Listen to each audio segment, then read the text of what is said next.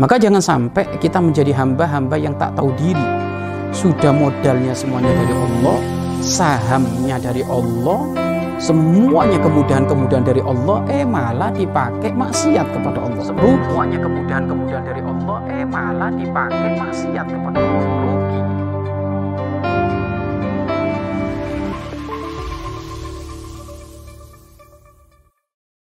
Bismillahirrahmanirrahim Assalamualaikum warahmatullahi wabarakatuh Alhamdulillah Alhamdulillahi rabbil alamin Wabihi nasta'inu ala umuri dunya wad din Wa sallallahu wa sallama Ala imamil mursalin Habibi rabbil alamin Sayyidina wa maulana Muhammad sallallahu alaihi wasallam wa ala alihi wa ashabihi wa tabi'ina lahum bi ihsanin ila yaumiddin. Amma ba'd. Pemirsa yang dimuliakan oleh Allah Subhanahu wa taala Kita lanjut perbincangan kita tentang wawasan kedekatan kita kepada Allah Subhanahu wa taala dan juga wawasan di dalam menjalin hubungan baik dengan sesama manusia terkhususnya dalam urusan sehari-hari kita.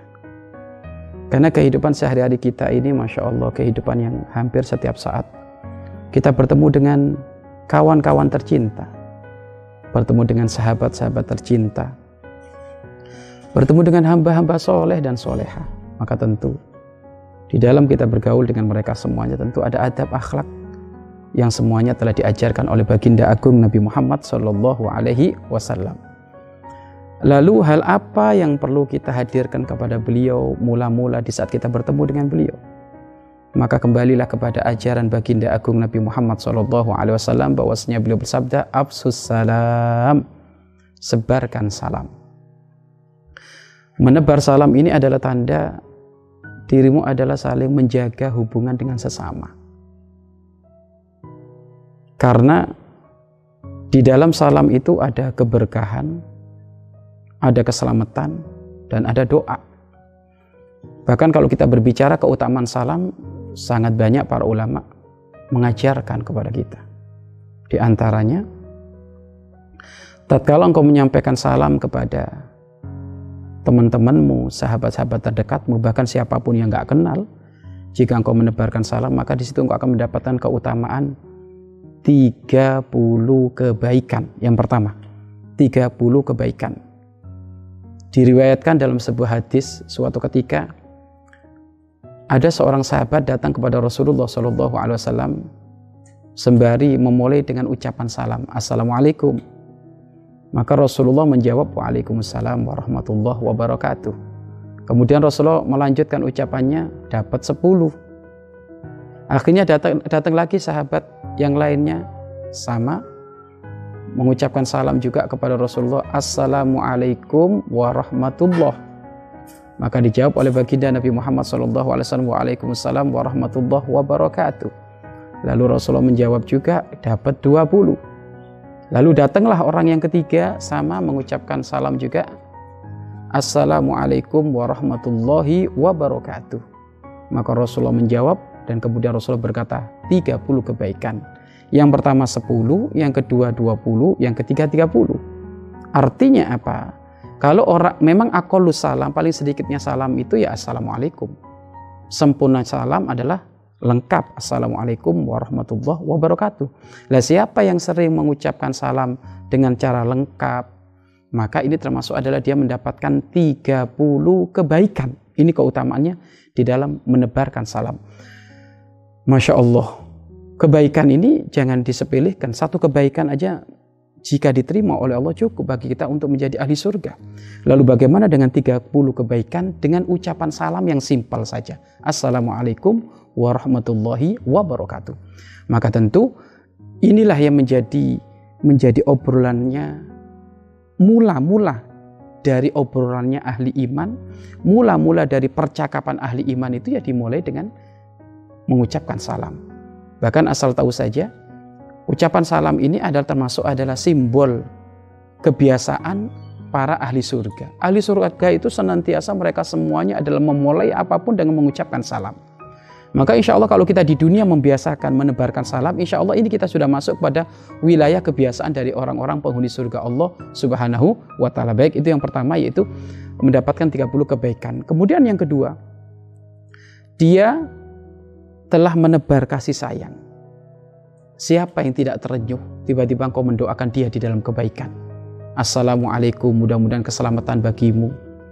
Wabarakatuh, mudah-mudahan keberkahan bagimu. Warahmatuh, warahmatullah rahmatnya Allah wabarakatuh dan keberkahan Allah maka seseorang kalau memahami arti dari apa yang diucapkan salam oleh temannya maka setidaknya di situ akan ada makna saling mencintai karena Allah Subhanahu wa taala karena tanda orang saling mencintai saling mendoakan seperti ini saling mendoakan seperti ini maka ini termasuk adalah rasa ungkapan yang dihadirkan oleh para sahabat di antara kalau para sahabat dan juga Rasulullah di antara para sahabat. Maka kita pun harus membumikan ini, membiasakan ini. Baik di kantor, biasakan dengan kalimat indah, ucapan salam seperti ini, kalimat cinta. Atau ketemu di pasar, ataukah ketemu di jalan, apakah ketemu ada di ada di kendaraan, biasakan seperti ini. Ini adalah ciri glamornya orang-orang ahli surga ya senantiasa ke mana-mana dengan menyebarkan salam. Kemudian keutamaan yang ketiga adalah dengan engkau mengucapkan salam ketahuilah jika salammu tidak dijawab oleh orang yang yang kamu ucapkan salam mungkin karena dia sibuk atau mungkin dia lupa, maka jangan lupa engkau mendapatkan salam dari malaikat. Jawabannya langsung dijawab oleh malaikat. Betapa mulia dan agungnya kalau salam kita dijawab oleh malaikat. Malaikat tidak pernah tidak, tidak pernah bermaksiat. Malaikat adalah hamba yang patuh nurut kepada Allah. Loh, kalau salam kita dijawab oleh malaikat, Waalaikumsalam warahmatullahi wabarakatuh, maka kita mendapatkan doa khusus dari para malaikat. Ini hebat lagi ini. Kita sudah mendoakan orang lain, malaikat juga membalas apa membalaskan doa wala mislin engkau dapat yang sama ternyata malaikat juga menjawab maka sungguh keutamaan apa lagi yang perlu kita cari kalau bukan wilayah malaikat seperti ini maka pemirsa di mana pun anda berada ayo kita budayakan mengucapkan salam. Mau masuk rumah ucapkan salam. Ketemu anak kecil ucapkan salam. Ketemu orang yang lebih sepuh ucapkan salam. Bahkan di saat engkau berada di halayak umum biasakan mengucapkan salam. Bahkan adabnya mengucapkan salam itu hendaknya paling utamanya pahalanya di dalam mengucapkan salam itu adalah yang memulai. Biasakan engkau memulai mengucapkan salam. Memulai mengucapkan salam hukumnya sunnah, namun pahalanya melebihi pahala menjawab yang hukumnya wajib. Menjawab salam kan hukumnya wajib, namun pahalanya lebih gede memulai sa salam. Maka biasakan ini. Di mana pun Anda untuk biasa menyebarkan salam, kecuali kalau ketemu dengan orang-orang kafir. Kalau orang-orang kafir maka tidak dianjurkan untuk mengucapkan salam walaupun ada ulama mengatakan boleh mengucapkan salam dengan dengan alasan agar supaya dia mendapatkan hidayah nggak apa-apa. Dan ini termasuk adalah hal-hal yang perlu dihadirkan di saat kita ini bermuamalah dengan siapa pun.